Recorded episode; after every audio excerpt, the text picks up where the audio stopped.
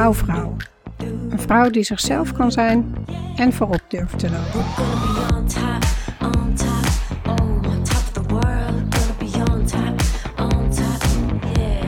Welkom bij de podcast voor ambitieuze vrouwelijke leiders die dicht bij zichzelf willen blijven en leiden vanuit hun hart en intuïtie. Ik ben Hiltje Oude-Luttekhuis en ik wil een wereld creëren waarin je vrouw zijn geen belemmering vormt om een leider te zijn. Als huisarts, CEO van een one-woman biz, mama van vier kids en imperfecte feminist houd ik openhartige interviews met vrouwelijke rolmodellen uit de artsenwereld, wetenschap, tech en entrepreneurship. Vrouwen die voorop durven te lopen. Ook inspireer ik je met female empowerment topics om je zelfvertrouwen te boosten, zodat jij ook voorop durft te gaan lopen. Luister mee. Laat je verwonderen en uitdagen om voorop te lopen. Dit is de Wouwvrouw podcast. Laten we een nieuwe revolutie beginnen.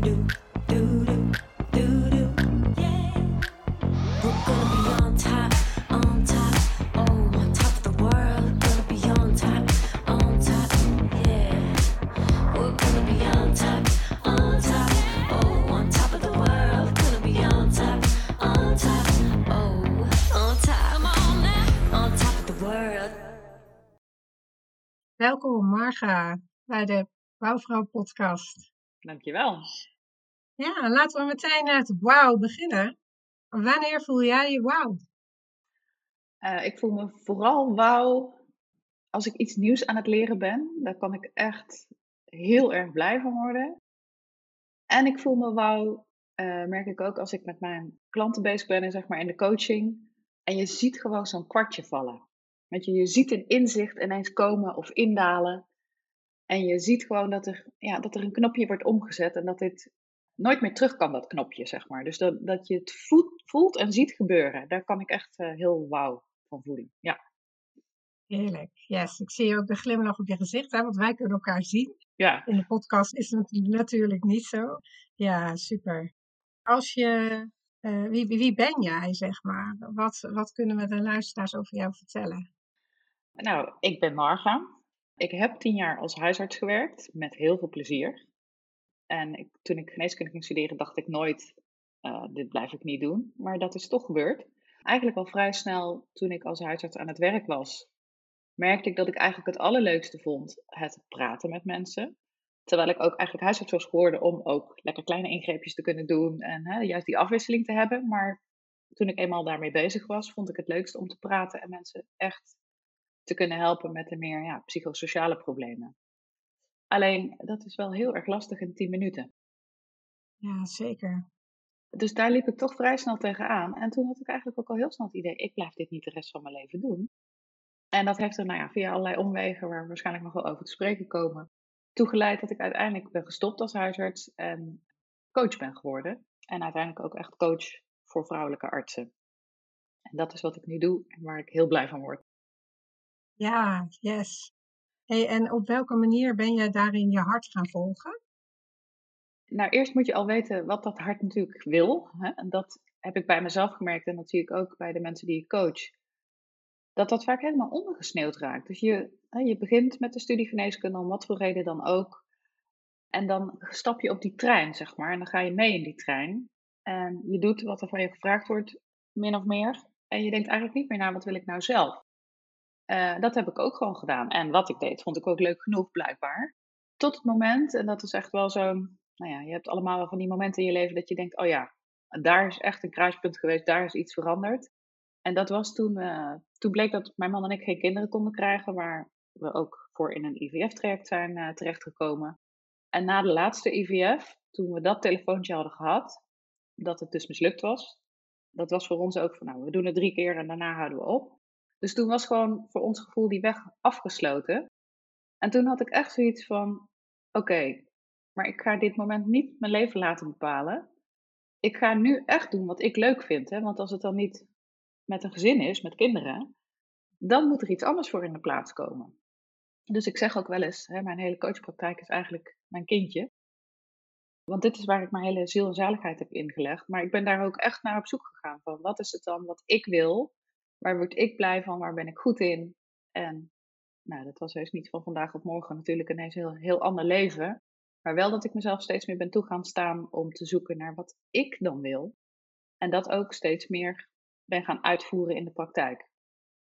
Ja, dus eigenlijk heb je die hele moeilijke hè, tegenslag uiteindelijk weten te vertalen in een ander kindje. Hè? Ja. Zeg ik even, ik gebruik Ja. jou Ja. metafoor mee. Ik krijg er een beetje kippenvel zo bij van. En is, is nu, eh, ja, ben je op die manier je hart gaan volgen. Ja. Prachtig. Ja. Ja. En ik vind het leuk om daar even daarop op verder op te gaan van in welke manier, eh, eh, wat jou heeft geholpen hè, daarbij. Maar ik wilde je ook graag nog vragen waar jouw hart sneller van gaat kloppen. Terugkerende rubriek in deze podcast, zodat we wat snel een beetje een hele to the point beeld krijgen van wie jij bent, of waar je van houdt in ieder geval. Ja. Dus ik ga een aantal eh, dualiteiten noemen en dan hoor ik graag van jou welk van de twee jouw hart sneller doet kloppen. Chocola of wijn? Wijntje. En vooral als ik aan het eh, koken ben, vind ik het lekker om dan ondertussen lekker een wijntje erbij te drinken. Ah, heerlijk. Rood of wit dan? Wit, toch? Ja. Ja. Ja. Een boek of een podcast? oh, een boek. Ja. Ja. Mannen of vrouwen? Vrouwen. Een kasteel of een camper? Camper. Een sterrenrestaurant of friet van Piet? Sterrenrestaurant. Hoogleraar of directeur? Hoogleraar. En nou eigenlijk even terug hè, naar, van, eh, naar dat hart. Wat heeft jou geholpen eh, toen jij op dat moeilijke moment, hè, eigenlijk dat sleutelmoment in je leven stond, wat heeft jou toen geholpen om te vinden waar jij eh, van houdt of waar je blij van wordt? Ten eerste een coach. Daar ben ik toen zelf naartoe gegaan. Niet meteen daarna, maar wel op enig moment. Omdat ik dus merkte dat ik ontevreden was. En niet kon, en mijn vinger er helemaal op kon leggen wat het nou was. En dat heeft me echt, heeft bij mij heel veel kwartjes doen vallen. En het belangrijkste les die ik daar leerde was, en dat klinkt eigenlijk een beetje naïef, maar ik had toen altijd zoiets van, ja, alles overkomt je gewoon, weet je wel. Je, daar kan je niks aan doen en dat is nou eenmaal zo en je bent wie je bent. En daar leerde ik van de coach, of met de coach in dat hele proces. Nee, je hebt zelf wel invloed op hoe het gaat. Dus nee, dat ik eh, geen kinderen kon krijgen, daar had ik natuurlijk geen invloed op. Maar wat je dan vervolgens met je leven gaat doen, daar heb je wel invloed op. En oké, wat is dat dan wat je wil? Dus dat ben ik voor een deel met haar gaan onderzoeken.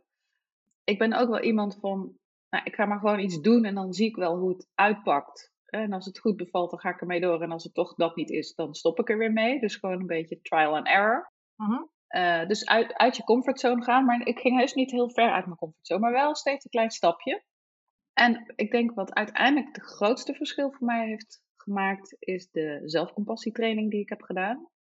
Waarbij je dus echt, en waar ook zo'n knop omgaat van, maar je mag je hart volgen. En je, je bent al helemaal oké wie je bent. En je mag je hart volgen. Het is oké. En wat het ook maar is dat je wil, ga ervoor. Je hoeft niet te doen wat anderen van je verlangen. Je mag gewoon je eigen hart volgen. En die heeft mij enorm geholpen om nog veel grotere stappen te zetten. Daardoor heb ik veel meer dingen ondernomen, zeg maar, die ik nou ja, een paar jaar daarvoor nooit gedurfd zou hebben. Kan je daar een voorbeeld van geven? Wat is zoiets wat je toen hebt gedaan? Nou, bijvoorbeeld um, trainingen geven of lezingen geven, zeg maar, voor een kritisch publiek. Weet je, daar zou ik, daar zou ik echt dood, doodsbang voor zijn geweest. Zo was het bijvoorbeeld vorig jaar. Kijk, als je in je eigen, zo mensen die een beetje hetzelfde zijn als jij, dan is het niet zo moeilijk. Een voorbeeld was ook vorig jaar of twee jaar geleden, werd ik gevraagd door een, uh, ja, wat zakelijke, een club zakelijke studenten, zeg maar, om daar een lezing te komen geven. Uh -huh. Over zelfcompassie. Ja. En dat vond ik heel spannend, want ik dacht, nou ja, dan moet het wel echt hè, wetenschappelijk onderbouwd. En uh, ik dacht, maar dit verhaal kan ik vertellen. En het hoeft niet perfect te zijn. Dus ik ga daar gewoon staan en ik doe het gewoon. En dat ging dus ook goed. Niet perfect, maar het ging goed. En ik kreeg daarna heel veel mensen die naar me toe kwamen. Oh, kan je er me meer over vertellen? En wat leuk. En, uh, dus een reactie die ik eigenlijk niet had verwacht. En nou ja, dat zijn dan dingen die je toch durft. Ja. Die, daarvoor zou ik nee gezegd hebben, een paar jaar eerder. Ja, en die zelfcompassie zat daar dan dus in dat je jezelf de toestemming gaf om het niet perfect te doen? Ja, en eh, wat ze ook van me vinden, ik ben oké. Weet je wel, precies zoals ik ben, ik ben gewoon oké. Dus het doet niet af aan mijn waarde als mens of ik dat nou een hele flitsende lezing geef. Of dat mensen denken, nou, dit, uh, dit zegt me niks. Dat maakt niet uit. En als je zo het podium op kan, dan helpt dat enorm. Ja. En paradoxaal genoeg heb je dan een heel makkelijk verhaal en spreekt het juist aan. Dat is de grap. Ja, herkenbaar. Ja. ja. ja. Wat ben je nog meer voor moeilijkheden tegengekomen in je carrière? Als je kijkt van hè, waarom je bijvoorbeeld nu ook vrouwelijke artsen helpt. Ja, ik zat er voor de, deze podcast ook nog over na te denken. Dat ik persoonlijk eigenlijk niet zo heel veel moeilijke dingen ben tegengekomen qua hè, als vrouw op een plek werken. Uh, en ik denk dat ik daar ook wel voor een deel gewoon naïef in was. Dat ik het ook niet zag. en dat ik gewoon, nou ja, ik deed mijn ding en ik was aardig. Dus dan liep dat allemaal wel zo uh, met kooschappen en als anios. Je hield je aan de regels en je paste je aan? Precies. En ik weet wel dat ik altijd dacht, oh ja, met verpleegkundigen, daar moet je wel een beetje slim mee omgaan, zeg maar. Want dat is dan toch anders met mannelijke studenten, AIOS of artsen ten opzichte van vrouwelijke co-assistenten zeker. Dat voelde ik wel, maar verder was ik me daar eigenlijk niet zo van bewust. Aan de andere kant dacht ik wel, ik wil niet in het ziekenhuis werken. Hè? Die zeg maar meer masculine omgeving, dat past mij niet.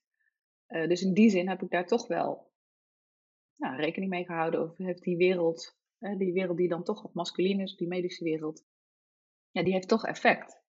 Nu nu ik al tien jaar vrouwelijke artsencoach, nu heb ik daar wel een andere kijk op, zeg maar. Nu zie ik veel meer wat er allemaal gebeurt. En dat wij allemaal door onze socialisatie als man en als vrouw toch nou ja, bepaalde verwachtingen meekrijgen, verwachtingen van onszelf hebben, die niet allemaal reëel zijn. En waardoor je ook soms het beeld op je eigen hart vertroebelt, zeg maar. Dus dat je eigenlijk ook niet meer weet wat je nou zelf wil, omdat het hoort dat je nou, toch eigenlijk niet fulltime werkt als vrouw bijvoorbeeld. En aan de andere kant, als je als dokter werkt in het ziekenhuis, word je eigenlijk verwacht altijd aanwezig te zijn, altijd klaar te staan, altijd sterk te zijn, altijd alles te kunnen volhouden. Ja.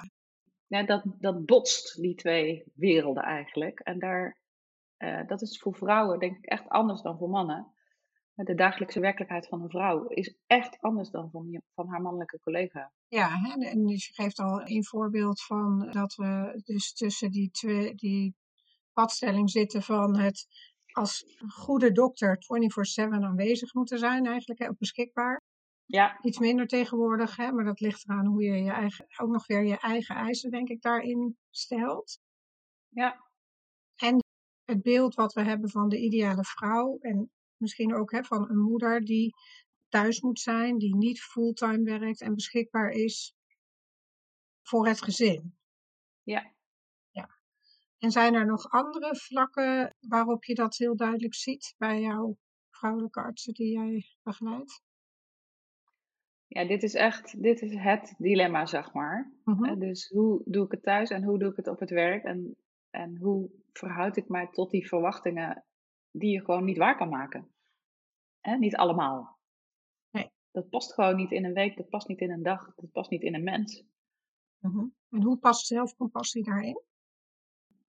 Zelfcompassie past er zo in dat je dus mild en vriendelijk voor jezelf bent. Dat je beseft, hé, hey, ik zit in deze, ik woon in deze wereld, ik leef in deze wereld. En het ligt niet aan mij. Ja, het zijn vooral externe dingen eigenlijk die dit veroorzaken. En dat je vriendelijk bent voor jezelf. Eigenlijk weer, hè, ik ben goed genoeg. Ja, ik ben goed genoeg. ik ben oké. Ik ben oké. Het ligt niet aan mij. En hoe kan ik hier dan zo goed mogelijk voor mezelf mee omgaan? En dat je dan ook mild en vriendelijk voor jezelf bent. Want nou, zeker artsen hebben natuurlijk ook de neiging om behoorlijk kritisch te zijn en ook zelf kritisch te zijn. Waarmee ze zich zeg maar tekort doen. Wat veel energie en stress kost, wat eigenlijk niet nodig is. En het ook hier weer het paradoxale. Als je jezelf toestaat om gewoon goed voor jezelf te zorgen en vriendelijk en mild voor jezelf te zijn, dan functioneer je beter. Dan ben je meer ontspannen en dan kan je juist weer meer. En hoe zorg jij goed voor jezelf? Op verschillende manieren. Ik doe wat ik leuk vind. Dat is volgens mij de beste manier om goed voor jezelf te zorgen. Dat doe ik echt. En ik, nou ja, ik hou van eh, lekker koken, lekker eten. Ik zou mezelf niet sportief willen noemen, maar inmiddels heb ik ook wel wat manieren gevonden waar ik blij van word van bewegen. Dus ik zit geregeld op mijn racefiets, ik doe yoga. En dat doe ik ook in werktijd, zeg maar. Want ik, ik zie mezelf als mijn bedrijf ook. Dus ik ben mijn bedrijf, dus ik moet ook onderhoud aan mijn bedrijf plegen, zeg maar. Dus ik ga ook gewoon op woensdagochtend of gisterochtend ook, ben ik eerst een rondje langs het strand gaan fietsen. Dus voordat mijn werkdag begint, ga ik even fietsen. Dus uh, op die manier zorg ik goed voor mezelf. En ook op momenten dat het moeilijk is of dat dingen lastig zijn, probeer ik ook juist zeg maar, daar aandacht aan te geven. En ook vriendelijk voor mezelf te blijven. En nou, mezelf daarin te erkennen, zeg maar, dat dingen soms moeilijk zijn. Dus niet om zeg maar, hè, dat weg te poetsen of om zo snel mogelijk van dat gevoel af te zijn, maar juist om er even mee te kunnen zijn. Waardoor het eigenlijk vanzelf ook weer minder wordt. Ja, mooi. Ik voel bij mezelf meteen de ja maar opkomen. Hè, van, oh ja, jij met je eigen bedrijf kan dat heel makkelijk zeggen. Dus ja. dat is natuurlijk uh, de ego die mij lekker op je plek wil houden. Hè, maar hoe, wat voor advies zou je daarin geven als, uh, uh, voor een vrouwelijke dokter die dus inderdaad denkt, ja, maar ik werk vier misschien of vijf wel dagen in de week hè, en ik heb mijn opleiding. Hoe kan je dan toch die momenten voor jezelf creëren ook in werktijd, als het ware? Zie je daar ook mogelijkheden voor? Zeker, ja. Ja, dat vind ik juist heel belangrijk. En natuurlijk, uh, je hebt helemaal gelijk. Ik heb mijn eigen bedrijf. En dat heb ik ook om die reden, om het zelf te kunnen bepalen. En dat is natuurlijk niet een situatie die iedereen heeft. En toch denk ik dat je ook in al die situaties echt voor jezelf kunt kiezen. En daarvoor is het dus belangrijk om goed te weten, wat wil ik nou? Hè, waar word ik blij van?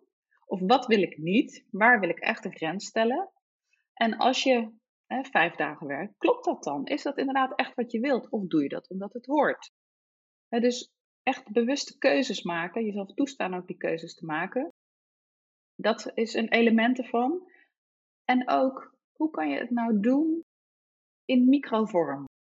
dus hoe kan je even inderdaad een pauze nemen? Hoe kan je even na een lastige patiënt even, weet je, een halve minuut even zitten met, dit was lastig. Wow, weet je wel? Heel mooi. Ja. En dat kan, een halve minuut kan. En dat is ook soms, meer heb je soms ook niet nodig. En wat ik vaak ook met de, de artsen die ik coach doe, is samen even kijken, hey, waar kan jij nou in een week ook echt me-time blokken? Want het verdwijnt, de tijd verdwijnt, totdat je het echt in je agenda zet. Of ik had bijvoorbeeld ook uh, deze week iemand die is aan het promoveren. Die is bijna klaar en dat moet dan allemaal natuurlijk naast de opleidingen en ook nog een gezin. En ze krijgt het maar niet af. En toen zei ik, hoe zou het nou zijn? En ze slaapt slecht, want een van de kinderen is veel wakker. Ik zei, hoe zou het nou zijn als je even een weekendje weggaat in een huisje, weet je wel, in je eentje, zodat je ook zeker weet dat je goed slaapt, dat je even echt, en om dit soort dingen moet je er ook af en toe even in kunnen duiken en daarmee door kunnen blijven gaan en niet een half uurtje hier en een uurtje daar. Als je nou echt een weekendje blokt om dat voor jezelf te gaan doen. Wauw, nou, daar had ze nog nooit over nagedacht. Ze zei, ja, dat is de oplossing. Als ik dat doe, ja, man blijft met de kinderen thuis, ik ga even een weekend gewoon flink er tegenaan. Dan kan ik weer een enorme slag maken en dan komt het af. Dus het is ook, nou ja, het bedenken is al best wel lastig natuurlijk, maar het jezelf gunnen, het mag. Je kan even die tijd voor jezelf nemen en blok hem ook. Regel het voor jezelf. Ja. Ja. Ja, ik zit heel even te kijken, hè, want dat zijn ook de thema's. Je hebt een heel mooi boek geschreven over veerkracht voor vrouwelijke artsen. Maar eigenlijk, hè, wat ik hierin terug hoor, is dus kiezen, weten wat je wil, durven. Dus ja. durven misschien ook wel jezelf toestemming geven ja. en dan het doen. Ja. En dat is misschien nog wel ook, hè, want zelfcompassie kan dan klinken als mildheid en vriendelijkheid. Het is een beetje soft. Maar uh, Kristen Neff, degene zeg maar, die deze methode heeft ontwikkeld en ook heeft onderzocht, er komt binnenkort een nieuw boek van uit en zij heeft het dan over de yin en de yang van zelfcompassie. En de yin is dan zeg maar de zachte, vriendelijke, milde kant, hè, het zorgen voor jezelf. En de yang kant is juist het opkomen voor jezelf. En zeggen, nee, hier is de grens en dit wil ik niet en dat wil ik wel. Dus dat is zeg maar de, hè, de zachte, het zachte en de kracht zeg maar, van zelfcompassie. En nou, de yin en yang, dat symbool zegt het natuurlijk ook al. Je, ze zijn complementair, je hebt ze beide nodig. Dus de zachte kant en de stevige kant. Dus het opkomen voor jezelf en nee zeggen tegen dingen. En ja, dingen voor jezelf regelen. En de yang kan ook voor anderen zijn. Hè? Als, het, als je onrecht ziet of iets wat niet oké is, kan je daar ook voor een ander voor opkomen. Dat is ook yang. Maar daar zit meer stevigheid. Nou, in, in, de, in de Chinese leer is dat natuurlijk ook het mannelijke, hè? het masculine. En de yin, het vrouwelijke. En dat zie je daar heel mooi in terug. Ik vind dat heel mooi om beide kanten ook als zelfcompassie te benoemen. Dus het is ook het stevige en het voor jezelf opkomen. Maar wel op een kalme manier, zeg maar. Niet uit boosheid of agressie, maar juist uit stevigheid. Ja, en dat mooie vind ik ook met die visualisatie van hè, dus die yin en die yang teken. Dat ze elkaar ook inderdaad, ze zijn niet alleen complementair, maar ze ondersteunen elkaar. Ja, ja, ja. ja prachtig. Het een kan niet zonder het ander. Ja, absoluut. Ja. ja, heel mooi. Heb jij de indruk dat wij als, als vrouwen, of misschien vrouwelijke artsen, meer in een van die twee kanten zitten met betrekking tot zelfcompassie? Of is dat echt heel individueel per persoon? Ik denk dat we helemaal nog niet in de zelfcompassie zitten. Oké. ik denk dat daar nou juist zo'n wereld te winnen is. Ja, oké. Oh ja, nou ik dacht inderdaad van, uh, hebben, uh, is het zo dat iemand meer de neiging heeft naar dat voor zichzelf opkomen? Of meer dat terugtrekken en, en zelfzorg? Want hè, de zelfzorg, dus goed voor jezelf zorgen, dat valt meer in die yin-kant, hè, als ik het zo hoor. En, en je grenzen blokken en aangeven is dan meer de yang-kant. Ja. Maar jij zegt eigenlijk, ja, het is nog zo minimaal dat we er niet echt een yin en yang van kunnen vormen. Nee, nee. Want ik vind, in ieder geval wat ik in mijn praktijk zie, en, en zeg maar mijn vriendinnen die ook uh, nog steeds als arts werken, zie ik juist dat de zelfcompassie eigenlijk heel erg ontbreekt. Dus zelfzorg is minimaal, eh, behoorlijk zelfkritisch, zeg maar, behoorlijk perfectionistisch, behoorlijk verantwoordelijkheidsgevoel, hard werken. En als het niet goed gaat, zeg maar, nog harder gaan werken. Dus dat is allemaal, zeg maar, de tegenpol van de zelfcompassie. En wat zijn naar jouw idee de onderhoudende of de uitlokkende factoren daarvan? Dat heeft heel veel te maken met natuurlijk al een soort selectie van wie worden echt arts. Dat zijn natuurlijk al de verantwoordelijke, hardwerkende, slimme mensen. Dan kom je in de medische opleiding. Daar wordt gezegd, deze eigenschappen zijn heel goed, ga hier vooral mee door. En dat wordt natuurlijk niet hardop gezegd. Er is zelfs een naam voor, dat is het hidden curriculum. Dus het verborgen curriculum is, dit is de cultuur, zo hoor je je hier te gedragen. Dus hard werken, verantwoordelijk zijn, uh, kritisch op jezelf. Altijd klaar dan, zorgzaam voor de ander, maar nou ja, voor jouzelf is niet belangrijk. Hè? Altijd sterk zijn. Jij bent zelf nooit ziek, je bent nooit depressief, je bent nooit angstig. Uh, jij kunt alles aan. Uh, dus het is een combinatie van al een beetje aanleg en dan hè, wordt de cultuur nog versterkt. Dus ik denk dat dat een van de belangrijkste factoren is. En dan werk je ook nog eens in een omgeving waar zeg maar, de autonomie steeds meer afneemt. Hè. Er wordt bepaald hoe jij moet werken, hoeveel tijd je per patiënt hebt, hoeveel geld je ervoor krijgt, hoeveel administratie erbij komt kijken. Nou ja, nu zie je het ook bijvoorbeeld met de vaccinatiecampagne voor de huisartsen. De ene dag moet je dit doen, de andere dag dat. Je hebt er niks over te zeggen, je hebt het maar uit te voeren. En dat is, nou ja, dat is een van de bekendste factoren voor burn-out, een gebrek aan autonomie. Ik denk persoonlijk dat zo'n autonomie dus ook een van de drijfveren misschien wel en de redenen is waarom we ook voor zo'n vak gaan. Hè? Ja. Uh, hè, want ja, ik ga ja. er hier even op aan, want dat is inderdaad voor mij ook een enorme drijfveer en kracht. En dus ook waarom ik naast mijn baan als huisarts een eigen bedrijf start, omdat ik die echte autonomie wil hebben en voelen. En ja. Uh, over dat hidden curriculum, zeg maar, ik heb inderdaad een collega gehad die zei van ja, jij bent veel te eigen gereid voor het ziekenhuis. Ja. En toen dacht ik, ja, dat klopt, hè? daar heb je helemaal gelijk in. En nu denk ik van ja, ho eens even. Maar dan kan dus niemand die een beetje eigen gereid is in het ziekenhuis werken. Dus hoe gaan we daar dan mee om? Ja.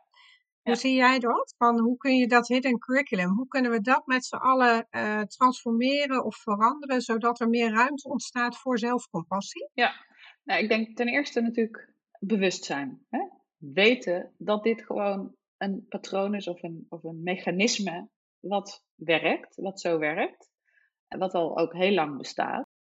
En dan ook uh, samen, ik denk dat dat heel belangrijk is, kijken van hé, hey, maar hoe willen we dit eigenlijk? Klopt dit? Is dit goed voor de mensen die in dit systeem werken? Is dit goed voor de patiënt? Zoals wij nu met elkaar omgaan en zoals we, en wat we allemaal van elkaar verwachten.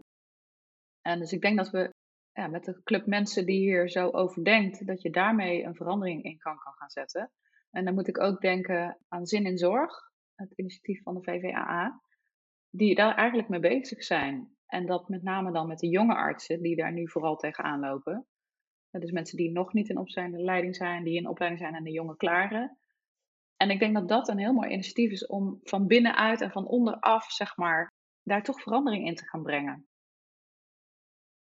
Ja, absoluut. Dat ben ik helemaal met je eens. Ik zou ook even zorgen hè, dat, we, dat we naar de dingen die we hier natuurlijk noemen in de podcast, dat we daar naar linken. Hè, dus dat dat uh, terug te vinden is. En een andere manier waarop ik daar ook aan meewerk is natuurlijk uh, het boek wat, we, wat ik heb geschreven, het eerste boek, Hart voor de Dokter. Waarin nou ja, alles wat ik nu zeg eigenlijk ook staat en waarbij je ook de wetenschappelijke achtergrond van zelfcompassie krijgt. Want het is ook echt wetenschappelijk onderbouwd, zeg maar, hoe het werkt en waarom het werkt. En een, deel van het boek is ook oefeningen. En ik samen met Mila, met wie ik het boek heb geschreven, Mila de Koning, eh, geven wij ook zelfcompassie trainingen aan artsen. Dus dan krijg je het op die manier ook weer mee. En nou ja, met die zelfcompassie kan je ook op je werkplek natuurlijk weer op een andere manier gaan functioneren, waardoor er ook weer veranderingen zullen ontstaan. Ja, ja. absoluut. Ik ben nog even aan het nadenken. Zelfcompassie, is dat nou ook anders voor vrouwelijke en mannelijke dokters? Of zijn we daar allemaal heel laag in? Of hoe, hoe zie jij dat? Het is uit onderzoek bekend dat vrouwen sowieso minder zelfcompassie hebben dan mannen. Dus ik trek dat maar door naar de artsen dat dat een beetje hetzelfde is. Mannen zijn toch inderdaad wat makkelijker vaak. Die kunnen toch makkelijker dingen niet zo persoonlijk opvatten. Schieten daar misschien soms ook wel weer in door. Hè? Maar over het algemeen zou dat mannen zich vaker wat overschatten en vrouwen zich wat vaker onderschatten. Maar dat overschatten helpt natuurlijk ook wel gewoon om goed voor jezelf te zorgen en om te denken, nou ja, dat lag niet aan mij. Of dat heb ik toch wel goed gedaan. Om, dus om jezelf oké te vinden. Dus wat dat betreft kunnen wij nog wel wat van hen leren. Ja, zeker. Ja, en het is niet hè, om nu de, de wij versus zij te creëren, maar eventjes, uh, we generaliseren hier natuurlijk, Absoluut, maar vooral om uh, het verschil zichtbaar te maken. Want dat past natuurlijk bij wat je zegt over bewustwording. Hè? Als je het verschil ziet, dan kan je pas Precies. wat mee gaan doen. Ja. En hoe zie jij uh, zelfcompassie en leiderschap? Uh, ik denk dat het onmisbaar is als je leider wil zijn. En zelfcompassie is eigenlijk de houding naar jezelf. Hoe behandel je jezelf? Dus het heeft niet te maken met hoe denk je over jezelf. Hè, van, heb je dan, dat is meer zelfvertrouwen. Maar zelfcompassie is eigenlijk de houding. Hoe behandel ik mezelf? Vind ik mezelf de moeite waard om goed voor te zorgen?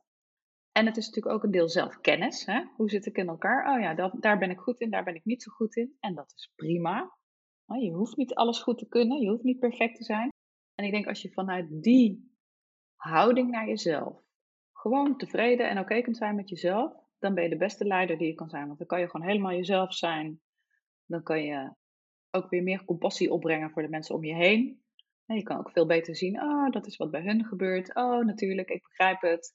En daar op de juiste manier op reageren. Dus ik denk dat het onmisbaar is om een goede leider te zijn. Eigenlijk is zelfcompassie, hè, zoals jij het ziet, denk ik, het is ook moeilijk dat te zeggen, maar een onderdeel van veerkracht. Ja of een bouwsteen. Hoe, hoe uh, zeg ik dat goed? Ja. en, maar veerkracht is dan eigenlijk weer een stapje. Is dat weer een stapje verder? Moet ik dat zo ja. zien? En zelf, zelfcompassie is zeg maar de houding naar jezelf. En dan veerkracht is, oké, en hoe beweeg ik dan daarmee door het leven? Hè? Hoe beweeg ik mee met alles wat er gebeurt? Welke keuzes maak ik daar dan vervolgens in? En hoe doe ik dat dan? En als ik het dan eng vind, hoe vind ik dan de moed om dat te gaan doen? En daar kan zelfcompassie je steeds bij helpen er is nog wel meer nodig om, of je kan nog wel meer leren daarin, om daar ook op een zeg maar slimme manier dan uh, door het leven te gaan. Ja. En je, je leven uh, leuk te maken, want daar gaat het natuurlijk uiteindelijk ook om. Absoluut. Om zoveel mogelijk te genieten, om zoveel mogelijk eruit te halen van wat jij wil. Ja. En niet uit egoïsme, hè, maar uit, uit goed voor jezelf. Als jij goed in je vel zit, kan je er ook beter voor anderen zijn. Absoluut, ja. Ja. Je cannot pour from an empty cup. Hè? Dus uh, ja. ja, zorg eerst voor jezelf en dan heb je wat uit te delen. Ja. wat ik zelf wel interessant vond, is dat ik in mijn uh, vocht hè, met deze podcast en op zoek naar die vraag over leiderschap, kwam ik achter de, de competenties die we tegenwoordig eigenlijk zien voor een goed leider. En dat, hè, dan worden, er zijn tien competenties, waarvan er dan acht als meer feminien worden gezien en twee als meer masculien. En nou zijn net die twee masculine, één daarvan is veerkracht. Ah. Zou jij dat zo zien? Nee. Dat is, hè, dat is uit onderzoek wat, wat een hele grote groep mensen bestempeld heeft als mannelijk. Hè? Maar ja, dus daar, daar wordt veerkracht. Jij, jij noemt het net heel mooi hoe je meebeweegt. En daarin voel ik al eigenlijk meer het, de flow hè, en het vrouwelijke. Dus, Precies, ik ook. Ja. ja. Terwijl ja, ik denk als je veerkracht van ik heb wel eens, we hebben zo wel eens een, uh, iemand die we noemen, hè, die noemen we de, de Teflon man. Uh, waar alles van afglijdt. En dat is ook een soort van veerkracht misschien. Ik weet niet ja. of het daarvan komt. Maar ja. um, hoe zie jij, zeg maar, dat veerkracht belangrijk is voor vrouwelijke artsen, maar ook als voor vrouwelijke artsen om hun leiderschap te nemen?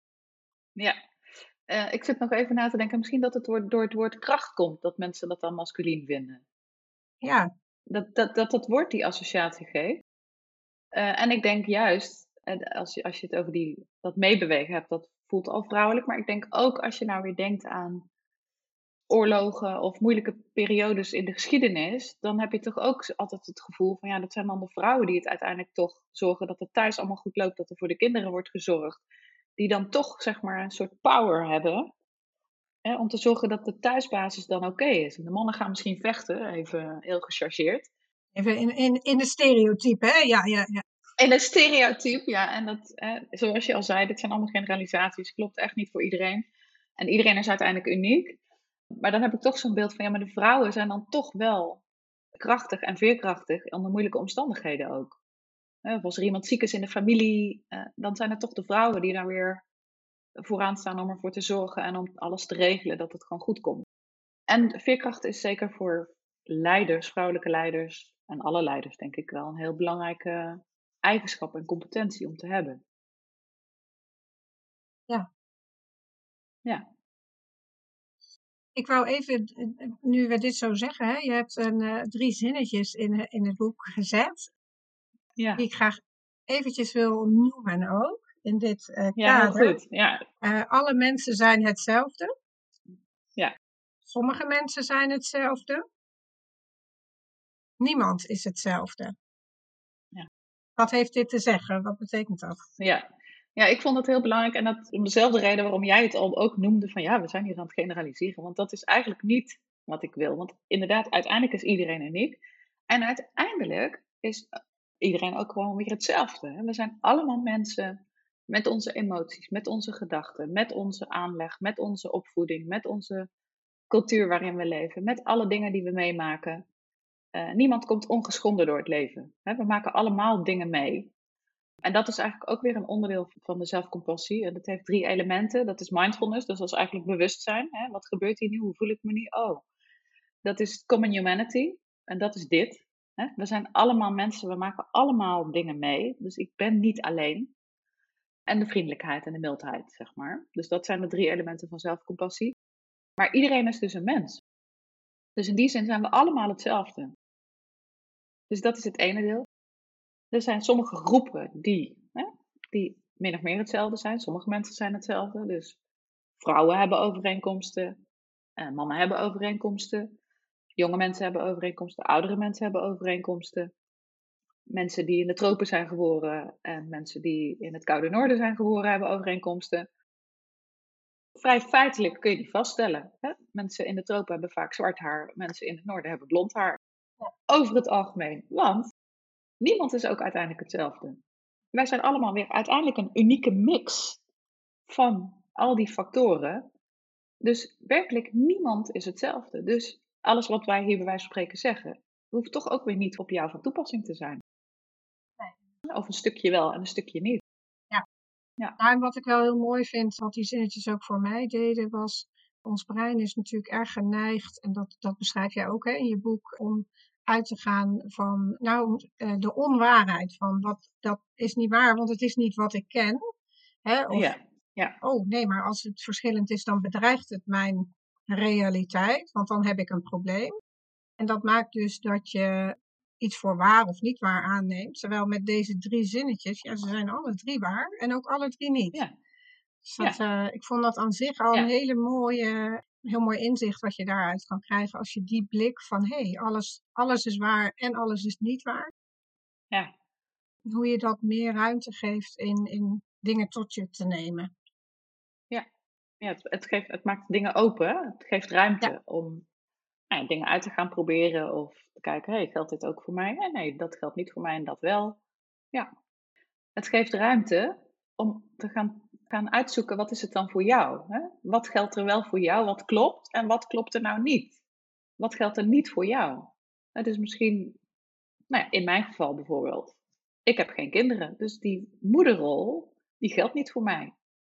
En ik denk er soms wel over na, als ik wel moeder was geworden, nou denk ik dat ik heel veel van die gedachten en verwachtingen wel voor mezelf zou hebben gehad. Maar dat stukje geldt nu niet voor mij.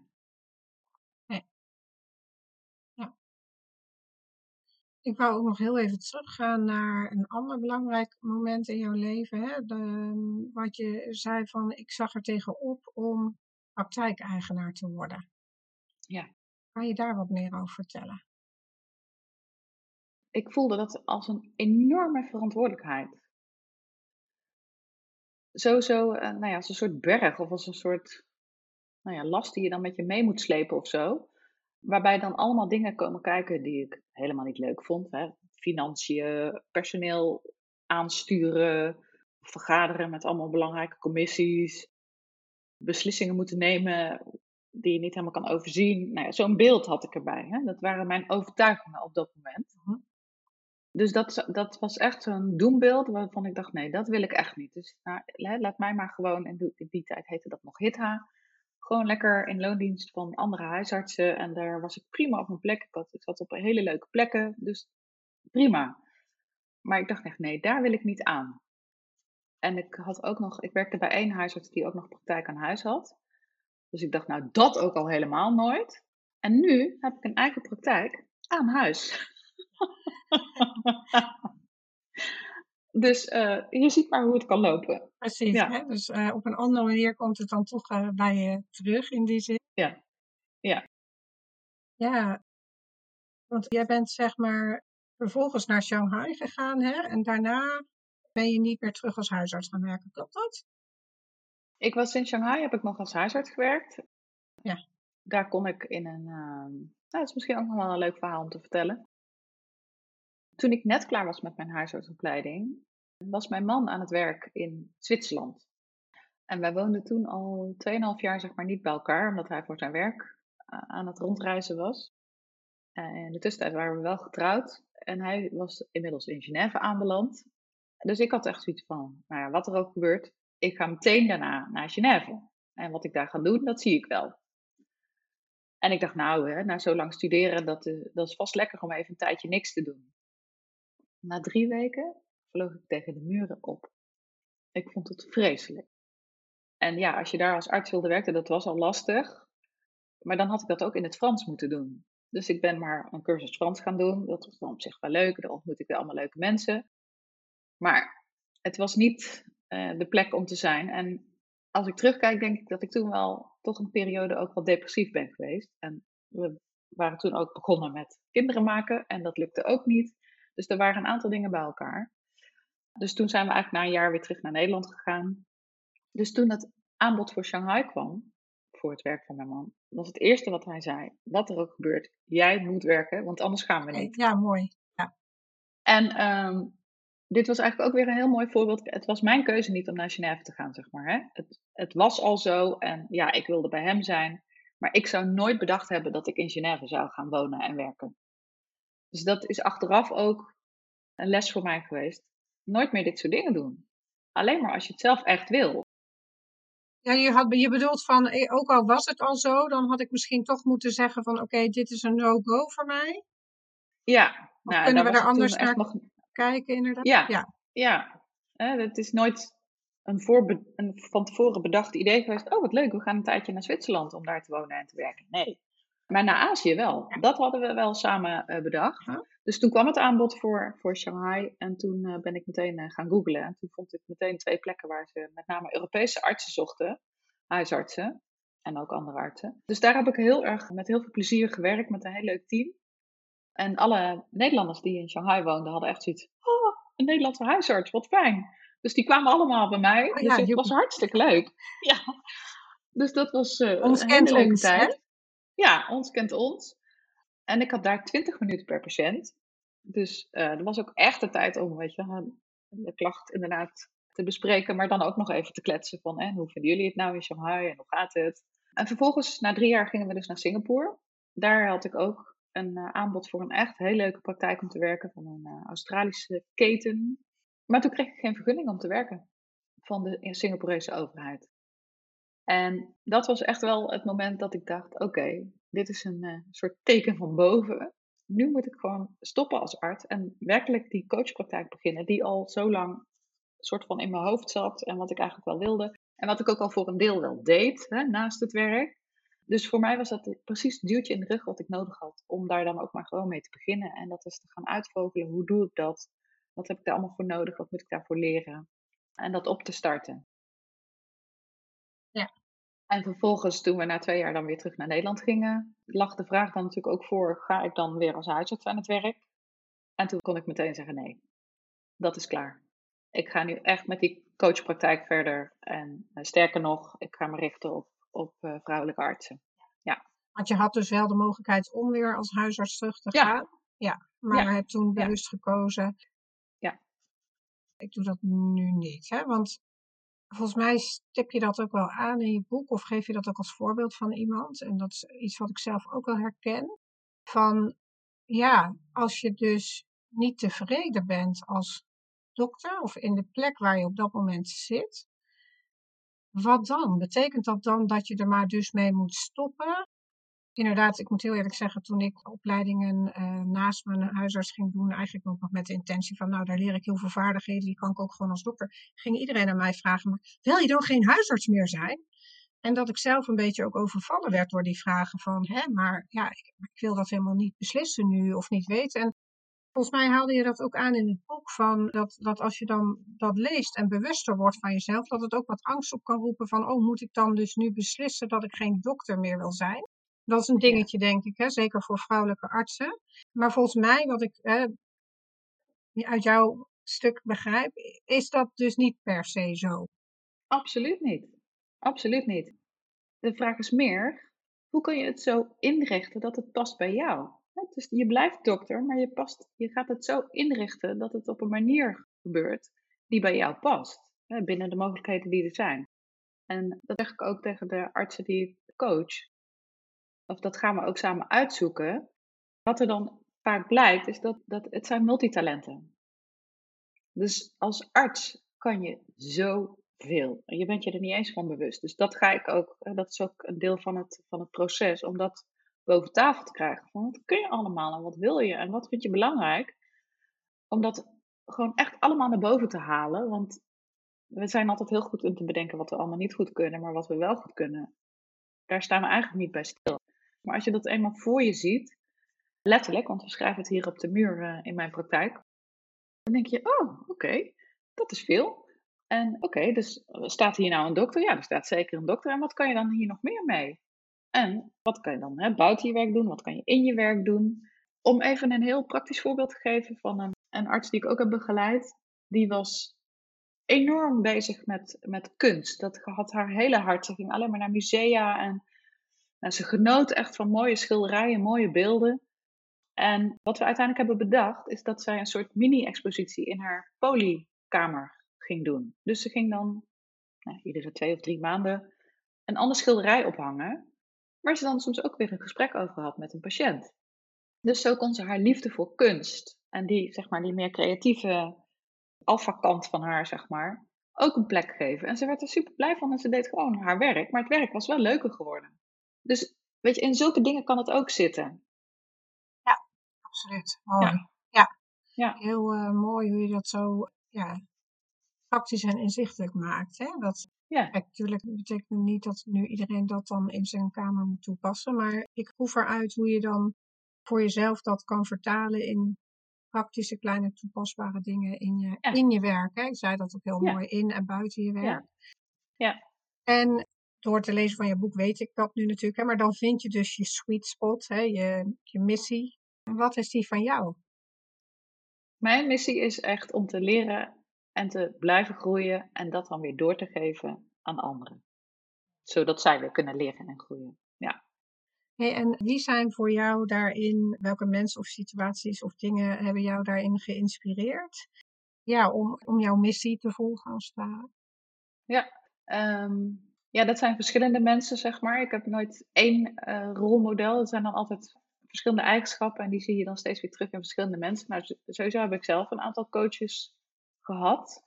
En dat zie ik dan, zijn toch altijd een soort van eh, wijze vrouwen in mijn eh, ogen, zeg maar. Die dan nou ja, heel warm en heel kalm en heel wijs zijn en de juiste vragen weten te stellen, zeg maar. Dus dat zijn de mensen die mij enorm geïnspireerd hebben. En dan hoop ik dat ook te kunnen zijn voor andere mensen. En ik vind bijvoorbeeld, eh, ik ben even haar naam kwijt, de, de Nieuw-Zeelandse Jacinta Arden. Jacinta Arden. Dat vind ik ook zo'n mooi voorbeeld van iemand die gewoon, en zij heeft volgens mij ook heel veel zelfcompassie. Je ziet gewoon dat zij helemaal oké is met zichzelf en van daaruit gewoon nou, op een hele rustige manier het juiste wil doen voor de mensen in haar land. En voor, voor meer mensen, denk ik. Voor de mensheid. Maar ze doet dat op zo'n mooie manier. Dat vind ik zo bijzonder. Dus daar kan ik dan ook wel weer dingen uithalen, zeg maar. Dat, je, dat het dus kan op die manier. Hè? Dat je dus in je vrouw zijn en in je warmte en in je compassie echt ook dingen neer kan zetten en dingen kan veranderen. Ja, ik vind haar ook echt een heel mooi voorbeeld ja, van nieuw leiderschap. En inderdaad, in mijn ogen ook door nieuw, nieuw leiderschap door vrouwen. Hè? Ja. Of voor, Ja. voor mij het thema en het onderzoek in deze podcast. Hoe kunnen wij meer als vrouw leiden en hoe kunnen we meer vrouwelijke leiders krijgen in de medische wereld, maar ook in eh, de politiek en in andere wat meer door mannen op dit moment nog gedomineerde werkgebieden of masculien beïnvloede werelden. Ja. Ja, absoluut. Ja, en ik had ook nog een verrassingsvraag natuurlijk voor je. Oké. Als jij eh, een dier zou zijn, welk dier zou dat dan zijn en waarom? Oeh. Ehm, ik merk dat ik het daar dan ook lastig vind om eh, één dier te noemen. En dan wil ik misschien wel een soort toverdier zijn, wat steeds van gedaante kan wisselen. Oh ja, goed. Eh, die, nou ja, op het ene moment een soort eh tweetie, zeg maar. Heel vrolijk en actief, zeg maar. Ja? Een andere keer gewoon een hond die lekker ligt en geniet. En dan weer het andere moment misschien een wijze uil. Om dan vervolgens ook weer als een aap, zeg maar, van, van boom tot boom te kunnen klimmen en gek te kunnen doen. Oh. Dus een toverdier. Ik wil een toverdier zijn. Ja, prachtig. Mooi hoe Ja. je ook dan toch hè, op deze manier weer buiten de lijntjes kan kleuren en je eigen verhaal erbij eh, verdenken. En dat we elkaar ook, of onszelf en elkaar toestemming mogen geven om dat te doen. Dus Ja. heel mooi eh, hoe je dat inbrengt. Ja. Nou, we hebben in dit interview natuurlijk gehad over, over leiderschap en vooroplopen. En wat is volgens jou de definitie van een goede leider? Ik denk dat een goede leider oké is met zichzelf en daardoor dus echt helemaal zichzelf kan zijn. En van daaruit, zeg maar, ja, het, het streven of de missie of het doel wat je wil bereiken, van daaruit kan doen. Wat het dan ook maar is. En dan, eh, van daaruit kan je ook oog hebben voor de mensen met wie je het doet. En daar dan op een eh, slimme manier, maar dat bedoel ik niet negatief, maar op een slimme manier, zeg maar, de mensen mee kan krijgen. En, en dingen kan veranderen. En wat is er volgens jou nodig om meer vrouwelijke artsen in, in topleidinggevende posities te krijgen? En de cultuurverandering is denk ik het allerbelangrijkste. Dat er waardering komt voor die meer vrouwelijke leiders. In de zin van de, de feminine eigenschappen. En dat we ze beide nodig hebben. Dus dat eigenlijk de yin en yang, dat daar waardering voor komt. Dus dat het complementair is, dat we het samen moeten doen met z'n allen.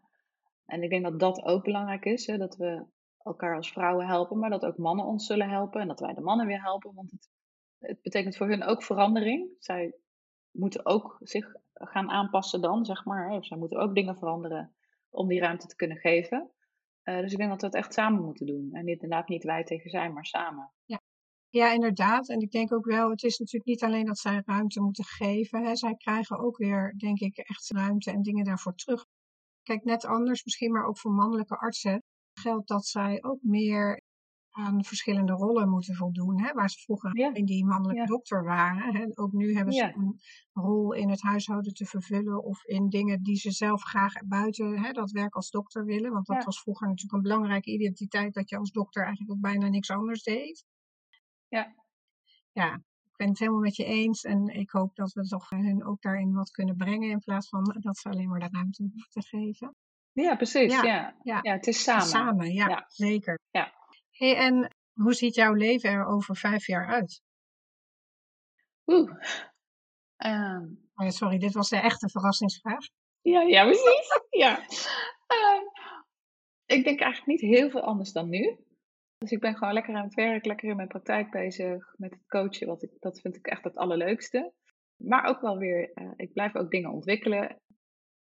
Dus een boek denk ik nu niet zo snel na deze twee. Ja, misschien toch een podcast dan? Ja, wie weet. We hebben, mijn man en ik hebben uh, vlak voor de corona-uitbrak een huisje in Friesland uh, gekocht. Nou, dat is natuurlijk, dat hadden we niet beter kunnen plannen, zonder dat we het wisten. Dus dat is gewoon een fijne plek om daar ook te zijn. Dus ik doe uh, tegenwoordig ook vanuit daar wel coaching. dus ik denk dat dat wat meer, dat, we, dat de verdeling over de twee plaatsen Haarlem en te Herne dan in Friesland, dat daar wat meer verschuiving nog in is. Eh, maar verder denk ik niet dat er heel erg veel veranderd is. En dat is prima. Hè? Het is, ja. Ik zit gewoon helemaal op mijn plek. Ik geniet van wat ik doe. En ik voel me echt een geluksvogel dat, het, dat me dat gegeven is, zeg maar, om het zo te kunnen doen. Mooi. Dus jij kan mooi in deze koers verder. Ja. ja. Is er iets wat ik nu niet heb gevraagd of benoemd waarvan je zegt, ja, nou, dat moeten we echt nog bespreken? Nee, ik denk het eigenlijk niet. En waar kunnen vrouwelijke artsen en andere uh, mensen die wat meer van jou willen weten, jou vinden? Je kan me om te beginnen vinden op mijn website. Dat is aqualime.nl. Dat uh, zal ik ook even spellen. Dat is A-Q-U-A-L-I-M-E.nl.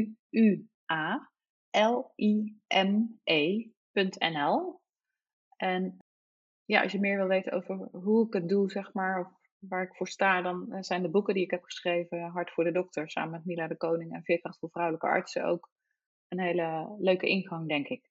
Ja. En er komen heel veel dingen in terug die wij nu uh, hebben besproken. Super. En je hebt ook aangegeven hè, dat jij ja. van allebei die boeken een exemplaar uh, wil weggeven, of verloten, onder de mensen die uh, naar deze podcast hebben geluisterd. En ja. ja, dat kunnen ze doen door natuurlijk even deze podcast een goede like te geven. Dus klik even op het aantal sterren dat je wilt geven. En door ons een berichtje te sturen, of een van ons in ieder geval, van waarom jij nou eigenlijk dat boek zou moeten krijgen. Waarom jij denkt dat het jou kan helpen. En eh, dat mag iets heel ingewikkeld zijn, maar het mag ook iets grappigs zijn. We houden allebei van humor. Ja. Dus verras ons even met je antwoord en dan kiezen wij onder de inzendingen in de komende twee weken. Verloten wij twee boeken. Ja. Marga, heel erg bedankt. En ja, bedankt Hiltje. Ja, tot de volgende keer. Let's start a revolution. Are you in?